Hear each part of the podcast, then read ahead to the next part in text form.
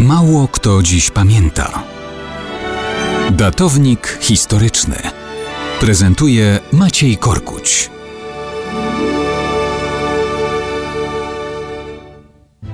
Mało kto dziś pamięta o losach świadków Jehowy w Związku Sowieckim. Noc z 1 na 2 kwietnia 1951 roku pokazała tysiącom z nich, co oznacza zadekretowana w ZSRR wolność wyznania. Świadkowie Jehowy w latach 20. i 30. XX wieku w spokoju żyli m.in. w Polsce, w republikach bałtyckich i w Rumunii. Po 1939 roku byli niestety ofiarami represji niemieckich i sowieckich.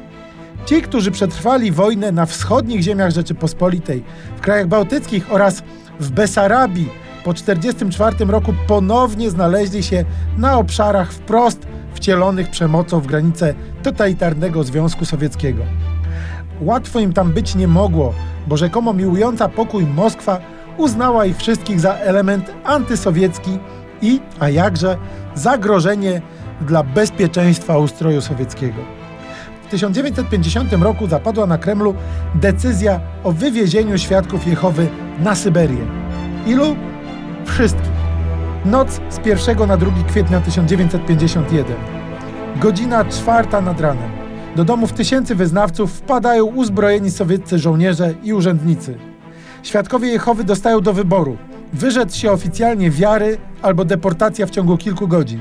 Większość odmawia, pakowani są do bydlęcych wagonów. Ich dobytek jest rabowany. Na Sybirze wyrzucano ich w niezamieszkanych obszarach albo pakowano do łagrów.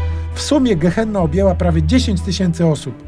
Wszystko w epoce organizacji przez komunistów wielkich kongresów pokoju dla usłużnych wobec nich zachodnich intelektualistów wygłaszających komplementy pod adresem Józefa Stalina.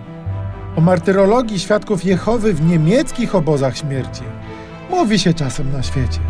Natomiast o ich współwyznawcach, ofiarach sowieckich zbrodni i represji nie pamięta dzisiaj prawie nikt.